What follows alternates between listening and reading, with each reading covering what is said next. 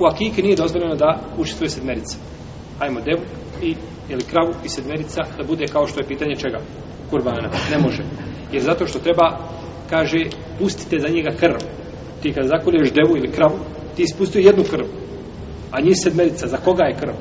Ja tako. Pa treba, znači, ne vrijedi to učešće kao kada je u pitanju, jeli? Kada je u pitanju. I kaže, kullu ulamin merkunun bi akiketi. Svaki je eh, dječak zalog svoja. Za, on je, znači, njegova. Gdje je njegova akik? To je udio mesa, a nije, znači, zaklana žrtva prinešena. Evo, ime Allaha radi tog djeteta.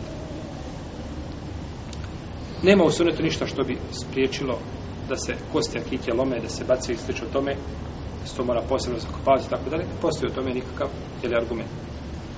Dalje, dijete se ne smije mazati krvlju od akike. To je običaj džahilijeta i došao je poslanik sa osaname i zamijenio je to brijanjem glave i prije su nam zakoljuju dijete, ne možemo svu glavu krvlju. Od onom nečistom krvlju koja je izgleda šikra i životinje. Što je neispravno. Kaže Burejde radijallahu ta'ala anhu u džahilijetu kaže kada bi se nekome rodilo dijete mi bismo umazali glavu krvlju, pa je došao islam, pa smo klali i prijali glavu i mazali bi glavu zaferanom, mirisom.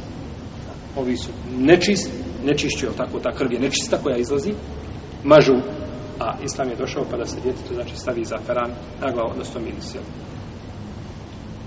I u dajše radi Allah tala nas prenosi u hadisu koji govori o akiki, jeli?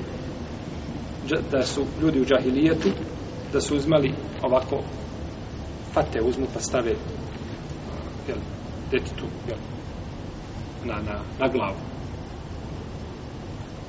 A došao je, kaže, Islam pa je to promijenio, pa je poslanik, sam rekao da stavlja haluk. Haluk je vrsta miska. Kaže, stavlja na glavu. Da stavlja na glavu.